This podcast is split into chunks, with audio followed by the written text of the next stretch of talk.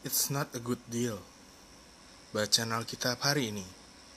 Kejadian 25 ayat 29 sampai 34 dan Ibrani 12 ayat 16 sampai 17. Kejadian 25 ayat 29 sampai 34. Pada suatu kali Yakub sedang memasak sesuatu. Lalu datanglah Esau dengan lelah dari padang. Kata Esau kepada Yakub, Berikanlah kiranya aku menghirup sedikit dari yang merah-merah itu, karena aku lelah.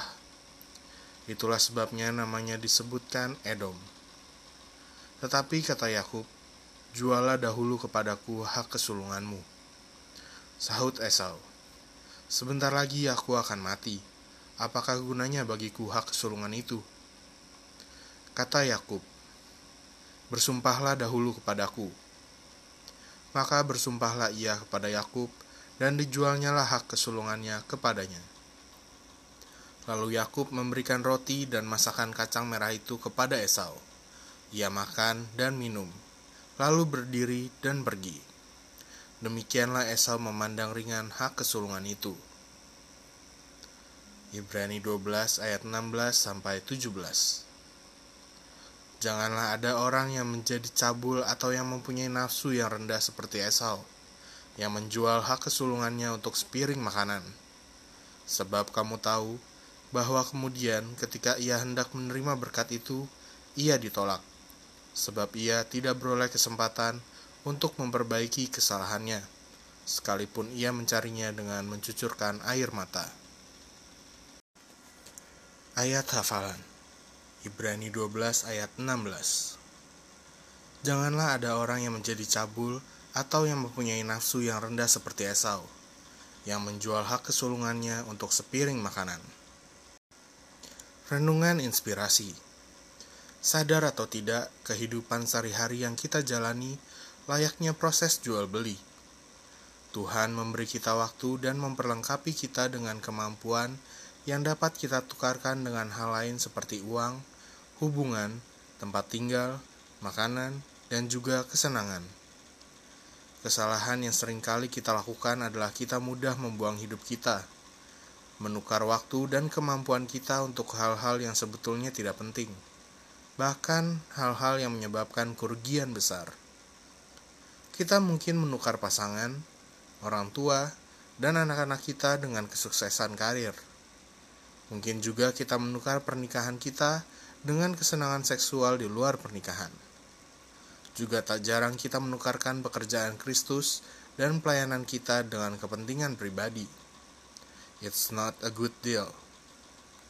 Mari lihat dampak kerugian dari pertukaran yang tidak sebanding di dalam Alkitab. Esau menukar hidupnya dengan apa yang menjadi keinginannya sesaat ia menjual hak kesulungannya yang tidak hanya mencakup keuntungan secara materi dan hak istimewa keluarga, tapi juga berkat rohani untuk semangkuk sup. Esau tidak berpikir dua kali. Ia makan dan minum, lalu berdiri dan pergi. Esau memandang ringan hak kesulungan, dan akhirnya ia menyesal.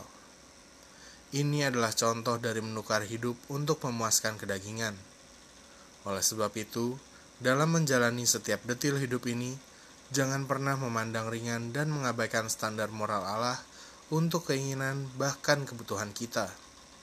Sebab sesungguhnya yang terpenting adalah kerajaan dan kebenarannya. Maka semuanya itu akan ditambahkan kepadamu. Jadi, jangan lagi terjebak dalam ide-ide kita sendiri tentang apa yang penting dan tidak Berhentilah sejenak melihat kehidupan kita yang sibuk.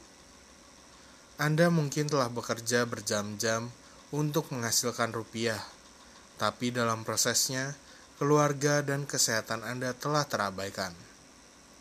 Atau Anda telah menghabiskan waktu berjam-jam untuk tontonan yang tidak masuk akal, tapi Anda abai membaca Alkitab.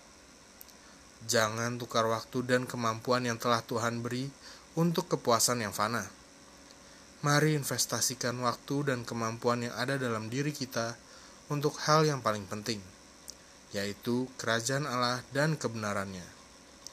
It's a very good deal. Yang harus dilakukan, pilihlah untuk mengerjakan hal yang terpenting dalam hidup Anda.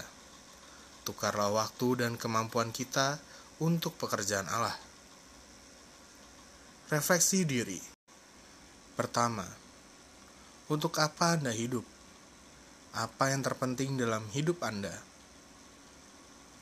Gua ulangi. Untuk apa Anda hidup? Apa yang terpenting dalam hidup Anda?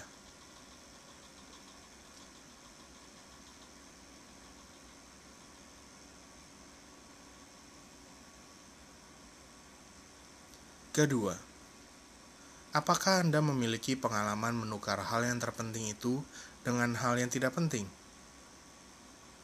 Gua ulangi, apakah Anda memiliki pengalaman menukar hal yang terpenting itu dengan hal yang tidak penting?